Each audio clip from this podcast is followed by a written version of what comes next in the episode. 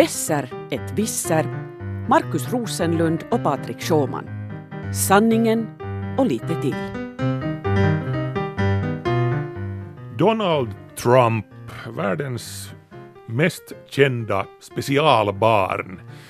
Och jag vet vad jag talar om för jag har själv en, ett sådant där hemma. Min, min son är ett barn med så kallade specialbehov med inlärningssvårigheter och, och jag känner väldigt, väldigt ofta igen min sons sätt att resonera. Båda har nämligen det här med att äh, de får den omgivande verkligheten att, att passa in i deras äh, önskemål om hur det ska vara och inte tvärtom. Alltså om min son till exempel nu konstaterar en tisdagsmorgon att, att han skulle vilja att det, det är fredag, så då är det fredag för honom. Fast hur mycket jag än säger att, att, att nej, det, det är tisdag morgon, nej, det, det är nog fredag, säger han. Och, och, Donald Trump är ju precis likadan. Han konstaterar att nej, ryssarna har inte blandat sig in i, in i våra interna angelägenheter och påverkat den demokratiska processen. Speciellt inte hjälpt mig på traven. Och, eh, när, när nu hans högsta security intelligence brass den här veckan kom ut med en rapport om att uh, jo, hoten mot USA är just det här att Ryssland roddar med vår demokrati och påverkar våra val. Och sen det här andra som Donald Trump också uh, förklarar bort uh, med, sin, med, med, med, bara sin viljekraft att någon global uppvärmning finns inte, säger Donald Trump, och då är det på det viset. Trots att hans, hans det här intelligentaste medhjälpare och, och chefer säger att jo, det här är en av de, de stora hoten mot oss. Samtidigt, han, han är ju en, en ombytlig person. Han känner starkt för klimatet har han sagt när han har gläntat på dörren här i januari när det gäller det här Parisavtalet, att han sen heller inte skulle gå ut. Ja, men, men han säger ju liksom precis vad som vad som faller honom, honom in beroende på hur, hurdant väder det är på morgonen när han vaknar upp också. Det, det här antagligen så Antagligen så var det en varm dag när han uttalade sig om, om det här. Han, han var kanske på besök i Kalifornien där det råder svår torka och är hett. Så konstaterade han att ja, nu är det säkert kanske så. Nu när vi är här i snöslasket, det då, hur ska vi förhålla oss till det då, den här uppvärmningen? Okej, okay, här kommer vi nu till kruxet då. Och nu, nu kan jag nämna här i samma andetag att eh, det just nu enligt rapporterna som kom in faktiskt precis igår så väntas mars månad bli en ovanligt kall månad. Vi, vi, vi går alltså antagligen mot en uh, kylig vår. Det här, det så här... nu är du inne på samma linje som Trump? ja, nu, eh, Hesari hade en, en nyhet bland annat om det här igår och jag, jag kan ju inte låta bli att gå in på de här kommentarspalterna och läsa vad folk uh, folk skriver där och det var ju naturligtvis då, aha okej, okay, just då det, det väntas bli en kall mars månad, det vill säga något, äh, någon global uppvärmning existerar inte. Selittäkää tämä äh, ilmastovouhottajat, förklara det här äh, klimatflåsare. jo, exakt.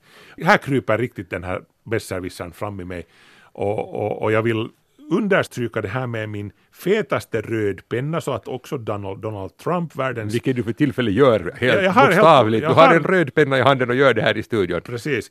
Uh, så att världens bäst beväpnade uh, specialbarn förstår det här och, och alla kommentatorerna i, i nätspalterna också. Väder och klimat är inte samma sak.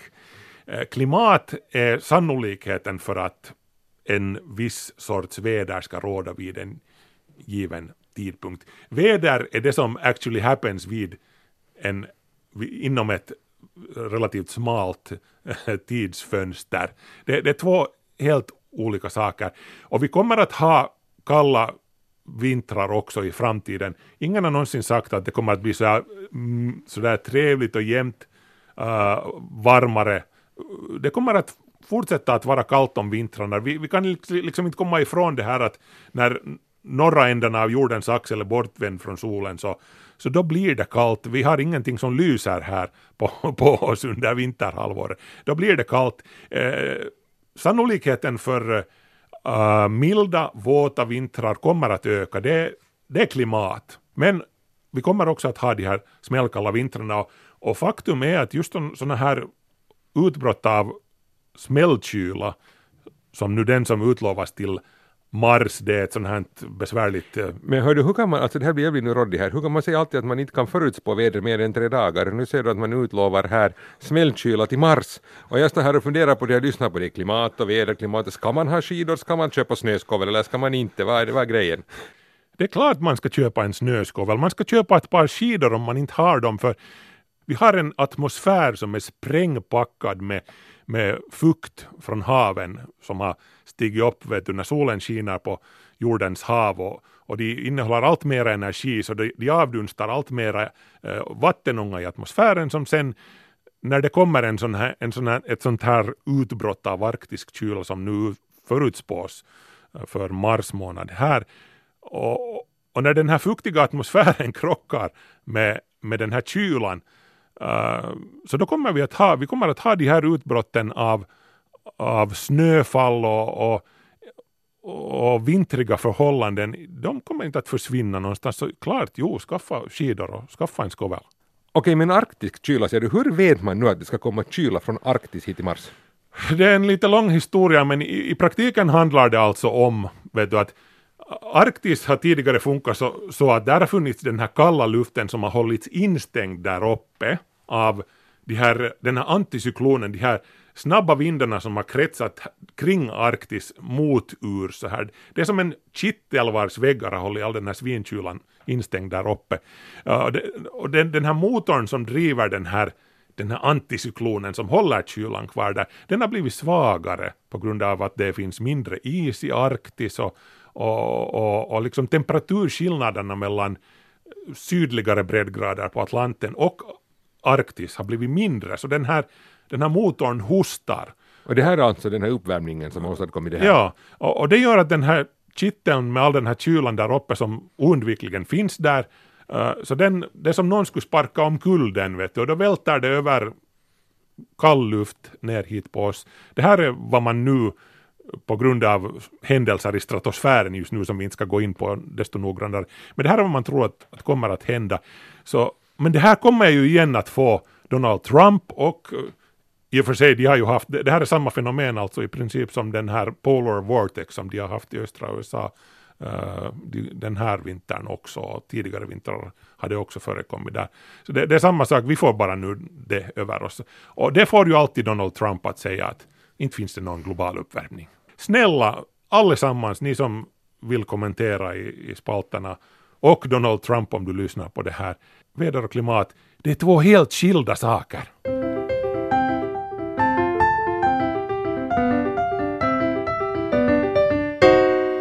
Sen är det det här med eh, ekonomiska prognoser. Det har nu igen faktiskt visat sig att slutet av förra året har gått en helt fantastiskt bra, överraskande bra egentligen kan vi säga. Och det här läste du i Seiskas det här horoskopspalt då, eller? Eh, nu, nu har det kommit, officiella siffror har kommit, det här är inte horoskop utan vi börjar få siffror från föregående år. 4 procent nästan, 3,9 3,9 procent, ja. Siffror för hur bra det de facto har gått. Det vill säga fromma önskemål. Eller no, okej, det, nu talar vi om det som har, har hänt, så okej, jo, 4 procent, det har gått ganska bra.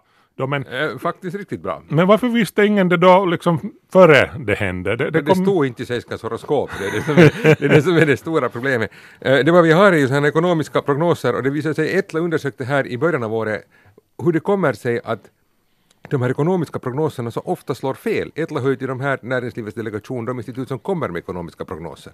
Så de spekte sig själva och så tittade de också de här övriga instituten. Där var Pellermos ekonomiska forskning och Löntagarnas forskningsinstitut, Finansministeriet, Finlandsbank liksom jättemånga fel, till och med också alltså, alltså finansministeriet som ju sitter med Finlands bästa databank har haft svårt att se att den här högkonjunkturen har kommit när den har kommit nu. Och, och liksom att tro på att det faktiskt börjar gå bra när man just har förutspått att det ska gå så dåligt. Men vet du, jag ska säga nu vad vetenskapen tycker om prognoser. Det, det, för länge, länge sedan så fanns det en, en farbror som hette Newton. Han, han utgick från att allting är mer eller mindre förutbestämt. Att, vet, vet du exakt uh, var kuggarna i, i universums stora urverk, han utgick ifrån att universum är ett urverk. Och vet du var den, är, den här kuggen är vid en given tid så kan du räkna exakt hur, det här urverket kommer att snurra i miljoner år framåt i tiden. Sen kom Einstein-gubben och sa att, att här, inte är det så där enkelt att det finns en massa andra saker som spelar in, att det, verkligheten är mycket mer komplicerad än så. Och, och sen kom ännu kvantmekanikerna och sa att hör du Einstein, du kan se det där bak, för, för verkligheten är ännu mera knasig och fullständigt omöjlig att förutspå på, på liksom den här riktigt grundläggande nivån. Och jag, jag, jag hävdar lite att vet du, de här ekonomiska prognosmakarna lever kvar i den här Newtons ålder av, av mässings och mikroskop och, och, och det där kugghjul och ångmaskiner. Vakna upp hörni prognosmakare. Ni, jag vet, jag vet att ni vet måste göra vad, något med er tid. Vad, ja, det är nu inte bara så att de inte skulle ha uppfattat det här, men det är sant alltså, för man tänkte ju sig någon gång att den här ekonomiska eh, ekonomin faktiskt skulle vara en sån här klar motor, men vi har nog lämnat den tiden långt bakom oss. Problemet är ju där att fast vi har nu nya, det finns spelteori och annat som man sysslar med, så den ger inte eh, sådana här prognoser som man vill ha. Alltså det är ju ändå så att Jo, man har bevisat Newton inte stämmer egentligen, men om du ska krocktesta en bil och beräkna bromssträckan så är Newtons formler och kvantmekanik ganska opraktiska verktyg för du får inte de svar du vill ha, du vet inte hur lång bromssträckan är. Och, och på samma sätt så sitter då nationalekonomerna med en i princip en sån här formell bas som man vet att att inte fungerar så exakt och bra som man hade tänkt sig. Det liksom är liksom bevisat i själva verket att det inte har teoretiska förutsättningar att fungera. Till exempel därför för att de förutsätter att alla människor på marknaden hela tiden har full information om alla de produkter som de vill köpa. Och det visar sig ganska, liksom, har visat sig ganska klart att det har man ju inte. Men, men medier, alltså jag känner inte, in, jag känner inte till insidesnacket hos äh, ekonomer och prognosmakare. Äh, har de sagt öppet att, har de medgett att okej, okay, vi vet inte liksom, vi har en joker i Vita huset, Donald Trump, som kan göra precis vad som helst när som helst och, och dra ut i ett krig som ändrar precis allting tar man det här i beaktande, säger man det här öppet att, att alla de här osäkerhetsfaktorerna kan kasta våra fina teorier över ända när som helst och vi är fullständigt o, vi har ingen som helst sätt att, att försvara oss mot det här.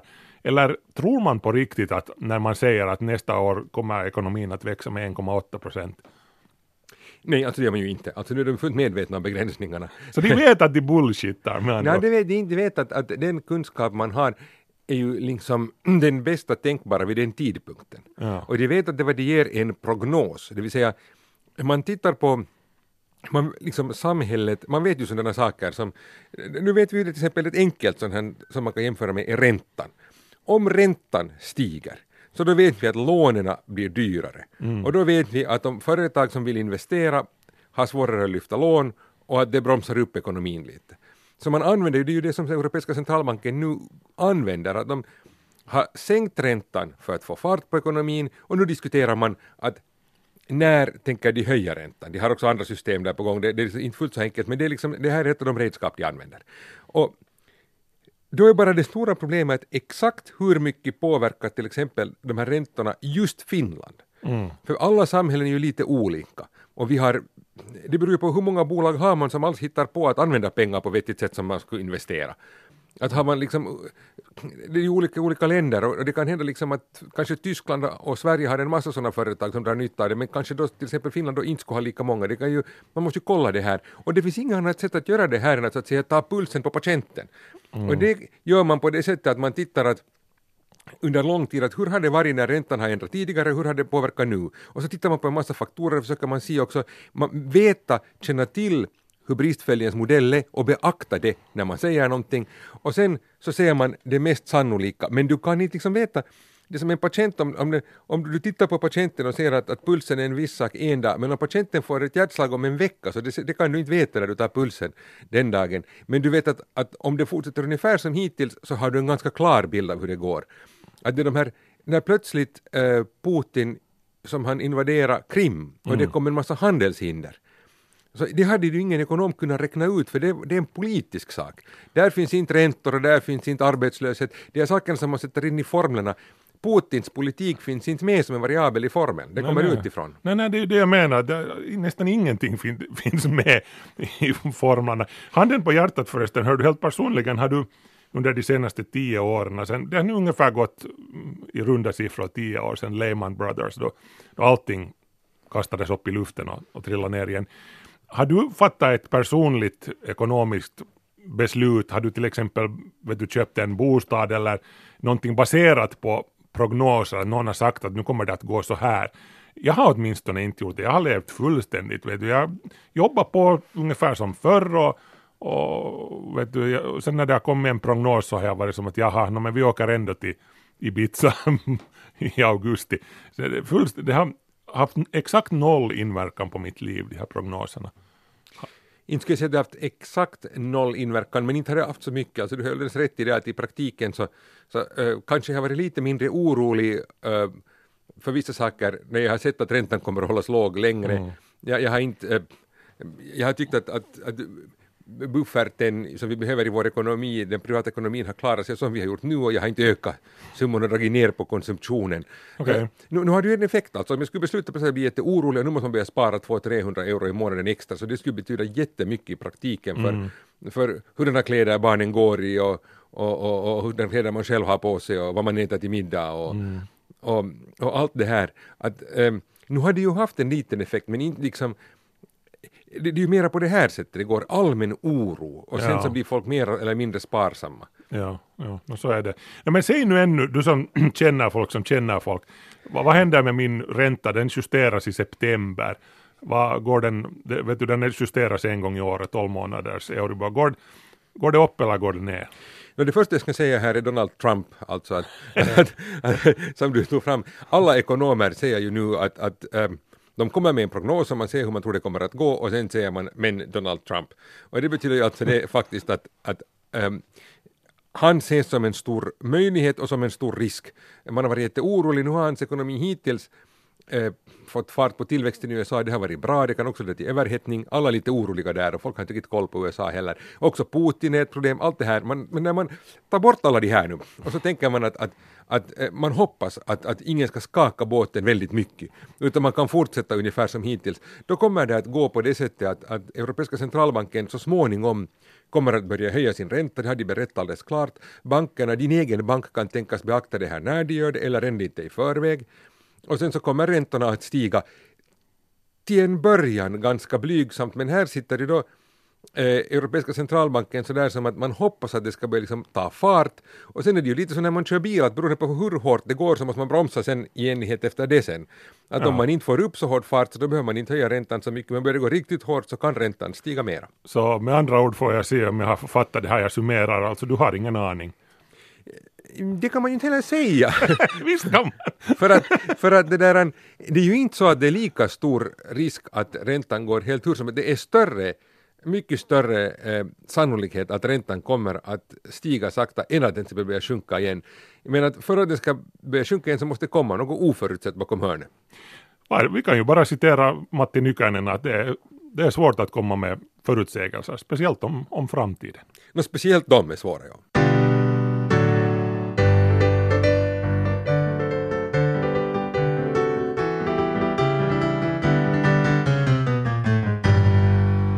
Hördu Marcus, äh, ja. var har du handlat dina julklappar? var jag handlat min. Det där, jag tror jag köpte typ två julklappar i år och de var nog båda från, från webben. Ja, jag kunde just tänka mig det. Jag tror att jag vet var du åtminstone inte har handlat dina julklappar och det är Stockmans varuhus. Ja, faktiskt jag funderar på det här. Jag, jag funderar en, tidigare i veckan att när handlade jag senast på Stockan? Det, må, det måste ha varit ungefär samtidigt som vid samma tid som jag senast åt någonting eller drack någonting på Ekbergs. Typ 1993 eller så. Vilken stöttepelare för samhälleliga, eller ska vi säga finlandssvenska viktiga handelstraditioner. Ja men ser du, jag har sen igen burit upp andra viktiga institutioner. Jag, jag, jag bar iväg halva min uh, disponibla årsinkomst uh, mellan åren, ska vi säga, 95 och 2005 till Nokia och då, då gick det ju ändå åt pipan för, så jag, jag drog sen slutsatsen att vad ska jag börja eh, hjälpa Stockman eller Ekbergs när det ändå tydligen går åt, Jag tänkte ju säga att du behöver inte vara alls ledsen nu, för det går på samma sätt nu. Vi har fått slutresultatet för um, hur det har gått för Stockman i fjol, 2017, och det ser ju inte så bra ut, och då är det speciellt slutet av året som har gått dåligt, det vill säga folk har inte julshoppat på Stockmans, det är åtminstone klart. Men förklara åt mig, jag är 48 år gammal nu, har jag aldrig riktigt begripit det här. Hur är det överhuvudtaget möjligt att mocka med den uh, fastigheten mitt i Helsingfors med det namnet, med det brändet, med, med, med all, liksom hela det arvet. Hur, hur kan man sjabbla någonting sånt? Alltså det är det som alla nästan har frågat sig. Ehm, det är förstås så här, det är ju alltid svårare i verkligheten att göra något. Det är lätt att stå på utsidan och, och klaga. Men det har ju faktiskt funnits många alltså riktigt hedervärda försök. Vi har haft en hel folkrörelse, Rädda Stocka, eh, som har liksom, eller Pelastakaa Stocka, åtminstone på finska heter den så, så när han gick in för att lära Stockman igen att lyssna på kunderna, satsa på kundbetjäning och de lyssnade. Mm. Alltså det här var för flera år sedan, några år sedan, liksom 2012-2013 när det nu startade ungefär och det där, um, de har ju förbättrat sin kundservice eller satsat på den åtminstone försökt göra det. Men att ändå så är det hör man om kunder som inte liksom hittar någonting, inte, inte ser vad de vill ha på Stockmans. Eh, någonting är liksom ännu sånt som inte fungerar och när man nu tittar vad liksom bloggar och sånt på senare tid har klagat på så är det näthandeln. Där har Stockmans inte hållit sig framme. De har, eh, man klagar på att den är långsam, den är dålig och, och, den är inte alls på något vis, tycks vara överhuvudtaget kopplad till varuhuset. Folk köper någonting på nätet som de inte vill ha och så går de lämnar tillbaka det till varuhuset och så plötsligt säger de att, att det är något helt olika saker. Här finns liksom, de har på något vis inte, inte hängt med i utvecklingen och det är eh, alltså konstigt och på något vis tragiskt att se från utsidan. Folk hade väntat sig mera. Ja, och sen hade ju Stockman också sin, sin Nokia-moment, vet du, när, när, när Nokia beslöt att nu, nu skippar vi, alla sa åt dem att att gå över till Android, inför Android som operativsystem i era, era lurar, vad, vad gjorde de? De gick till Windows. Och alla var som att, det, det, det var vet du som att se en, en kollision i ultrarapid, i, i superlångsamt och man, man är som att no! Och det var samma sak, samma känsla fick jag när, när de sålde ut sin, sin uh, delikatessen och man, man insåg att det där är ju er stora brand. Det där skulle ni kunna haka upp hela er existens på och göra, göra till er grej och marknadsföra, brända er med det där. Uh, vi, vi, vill ha en delikatessen i, i varje kvarter vet du, från uh, Karesuando till Hangö. Vad, vad, vad, tänkte de på? Problemet var att bara den, den delikatessen de hade i Stockmans varuhus Helsingfors gjorde miljonförluster. så att det, är, det var ingen bra business om vi säger så. Det är ju, alltså livsmedel är ju svårt. Man ska ha stora volymer, stora centrallager. Eh, liksom några små matavdelningar är jättesvåra att hålla uppe och den här kvaliteten som kraven och allting, det, det blev väldigt dyrt. Eh, men samtidigt så, så någonting eh, är också jättesvårt för Stockman skulle ha en stor fördel. Också de har haft ett, ett brand och nu ser det ju ut som att Stockman är på väg att sälja ut allt mera. Akademiska bokhandeln går den vägen och, och vi vet inte vilka alla avdelningar, vi ser liksom man tar in märkesbutiker som säljer kläder, som man skulle gå den vägen att man bara blir helt enkelt en fastighet. Man gör liksom, lyfter händerna och tycker liksom att, att vi klarar inte själva av att göra business. Vi har inte en, en egen stark vision för hur vi ska göra det här varuhuset bra i centrum av Helsingfors. Vi, vi står för byggnaden så får andra komma in och försöka med det här svåra att betjäna kunder och sälja vad de vill ha. Mm. Och det, det, är ju nog en, för det är ju mig som har vuxit upp på 80-talet och 90-talet då Stockman var liksom en stor institution ännu och någonting fint. Ja. Och, och, folk som har ännu längre minne tillbaka när det var ännu finare och hissflickor och annat som man talar om och Finlands första TV-sändning och så här från Stockmans. Så nu är det ju liksom en för många är liksom inte bara, det är inte bara ett varuhus utan det är en kulturinstitution som på något vis håller på att knäa nu. Ja, men om Stockman nu är den där båten som Phileas Fogg och Passepartout seglar runt jorden vet du, på 80 dagar. Så nu har de då alltså, de har eldat upp typ alla sina vedklabbar för länge sedan, de har eldat upp matsalsmöblemangen, de har, de har eldat upp landgången och och ankarstocken etc. Vad har de kvar att elda fortfarande och, och hur länge flyter den skutan med? Eh, har de någon, har de en paddel vet du som de kan ta de här sista avgörande paddeltagarna in till, till kajen i Portsmouth med. Det är alltså nog en, det är ju den stora frågan, alltså vad ska de hitta? De, de har ju satsat nu mycket på kundbetjäning och de borde ha fått det här att vända. Sen har de ju också, alltså det måste man ju säga alltså, att det som också nu händer där är att de har Lindex, eh, som var den stora räddningen när det gick dåligt eh, för varuhusen. Och, och, nu går det inte bra heller för Lindex.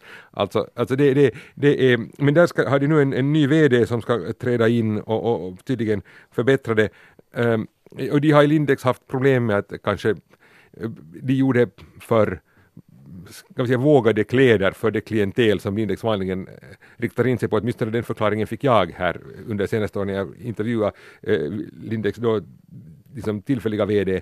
Men, men, men de har alltså problem på alla fronter lite och, och försöker sälja ut fastigheter nu och, och de är också intecknade, deras fastigheter. Det ser inte, de, de eldar faktiskt som du säger, det är mycket som, det är som den här båten som de höll på att komma med, att man eldar in allt, mer, all, eldar allt mera. Och, och då ändå så måste jag säga att Personligen tycker jag ungefär så här att jo, jag köper det att allt flera köper varor på nätet. Du köpte dina julklappar på nätet, många Ja, gör det. ja. Men den här fastigheten i Helsingfors, det kommer alltid att finnas människor som vill se vad de köper, till exempel kläder eller skor, som inte vill köpa allt på nätet. Och, det, och det kommer att finnas folk som vill ha någonting snabbt eh, och är villiga att betala ett lite högre pris för att få nya regnkläder åt barnen genast och inte så att man väntar två veckor på nätet när, när de just har rivit sönder. Ja, ja. Och, och, och Stockman har den bästa adressen i Finland för Ja, det här med precis. sitt varuhus i Helsingfors, att ska det gå att göra någonstans så ska det nog vara där. Ja, och sen vill jag ju komma med ett förslag här. Koppla ihop det här lite med den här metoo-andan i samhället. För jag, jag läste någon slags undersökning om att det som folk num- numera associerar till varuhuset är den här känslan av en trygg och kontrollerad miljö. Speciellt kvinnor då uppskattar det här att du kan gå i ett stort varuhus och du har vakter omkring dig och, och du, du utgår ifrån att du kan vara i fred här och ingen kommer och, och, och bråkar med dig. Uh, spela lite på den här vår, vår trygghetsknark, vårt trygghetsknarkande. Det, det, det är aldrig helt fel. Var lite konservativa och, och familjeorienterade etc.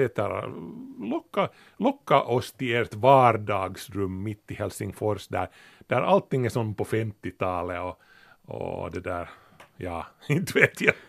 Nostalgikernas paradis, det är din marknadsnisch. Ja, no, någonting, alltså eh, det borde ju vara, eh, ett företag måste ju ha en vision och en tanke som man tror på en väg framåt. Och det har folk känt att Stockman haft tidigare och nu ifrågasätter folk att har Stockman haft det på länge mer? Ja.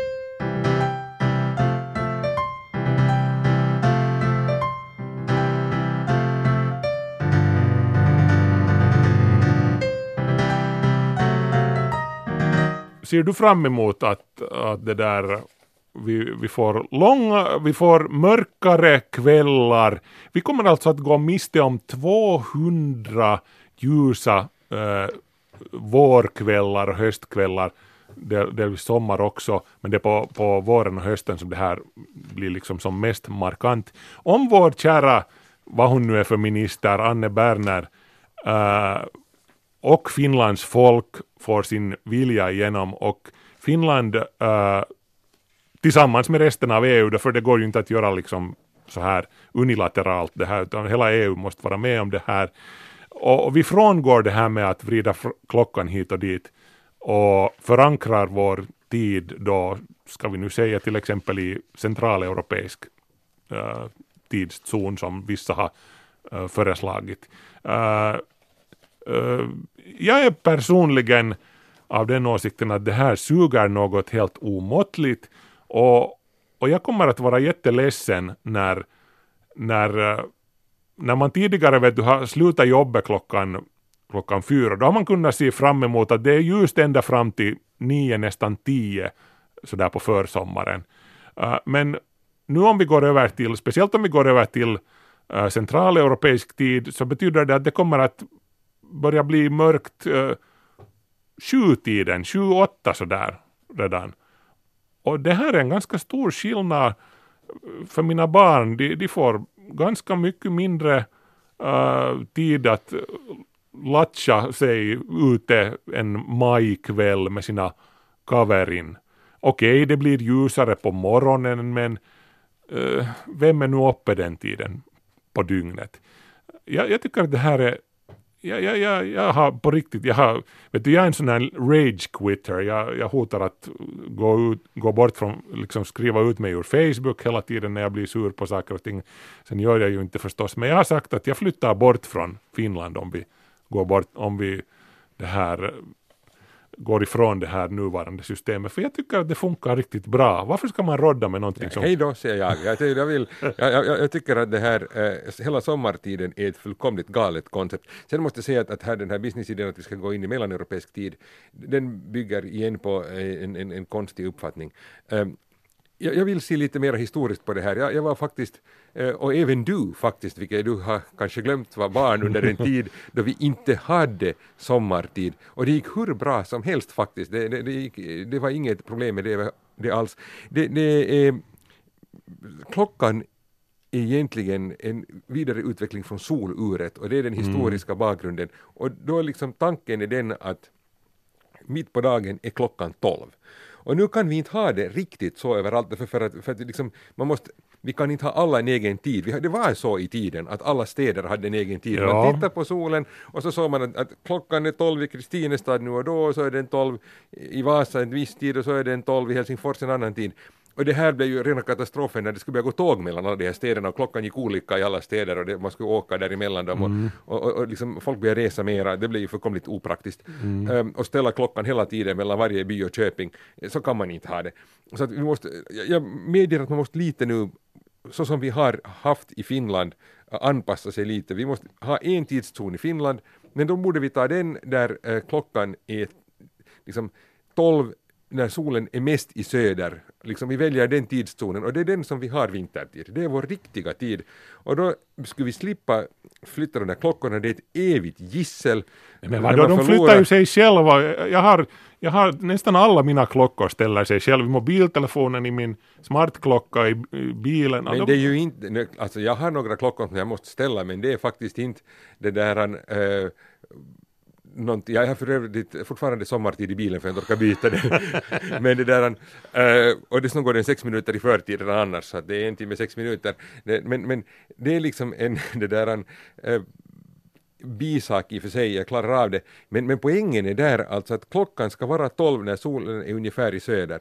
Och det är den och det ska det vara på sommaren också, man ska kunna orientera med hjälp av klockan. Man ska kunna titta på klockan och titta på solen och så ska man kunna röra sig så att man inte släpper med en kompass i skogen. Vad är du någon viking som är på väg att segla till Grönland eller någonting? Det räcker med att man går ut i bärskogen tycker nej, jag. Nej, men come on nu alltså, vi har ju eh, vi har ju liksom frångått de här realiteterna på alla tänkbara sätt. Vi har kopplat loss oss från den fysiska verkligheten. Vi, vi går ja, omkring... och det är det jag tycker att det, det är en löjlig överbyråkratiskt övermod att tro att man kan gå och flytta på solen när man flyttar klockan. Nej, men du går i kläder, du har en dunjacka som du går ut med när det är kallt. Varför går du inte naken så som man gjorde ännu vet du, på Men jag tycker att det ska finnas en koppling mellan, alltså poängen är att, att eh, klockan mäter dagens timmar och dagen följer solen och det, om man vill stiga upp en timme tidigare, det är ingen som liksom hindrar någon att stiga upp en timme tidigare, gå en timme tidigare på jobb och komma, liksom, det finns okej, okay, i alla jobb kan du inte ha det, men du kan stiga upp tidigare och njuta av det där ljusa ljuset en extra timme på morgonen om du vill, före du går på arbete. Det är liksom vi måste, vi måste kämpa mot det här, de morgonpiggas tyranni, vet du. De har förstört hela världen, det är de som... Absolut, därför ska vi slopa sommartiden och hålla vintertiden så att inte alla måste stiga upp en timme tidigare. Nej, vi ska, vi ska när vi en gång har chansen att göra sommar och vårkvällarna lite ljusare och lite längre. Vi kan mildra den här chocken som det innebär att bo i det här landet. Vi kan välja att göra det här. Vi är progressiva, vi är moderna, vi, är, vi liksom använder redskapen. Sommaren och våren är väldigt ljusa ändå. Inte det så att vi går under bara för att vi börjar följa solen och börjar visa att vi inte har helt tappat kontakten med den fysiska verklighet vi lever i och drunkna i en mobiltelefonskärm. Ja, ja.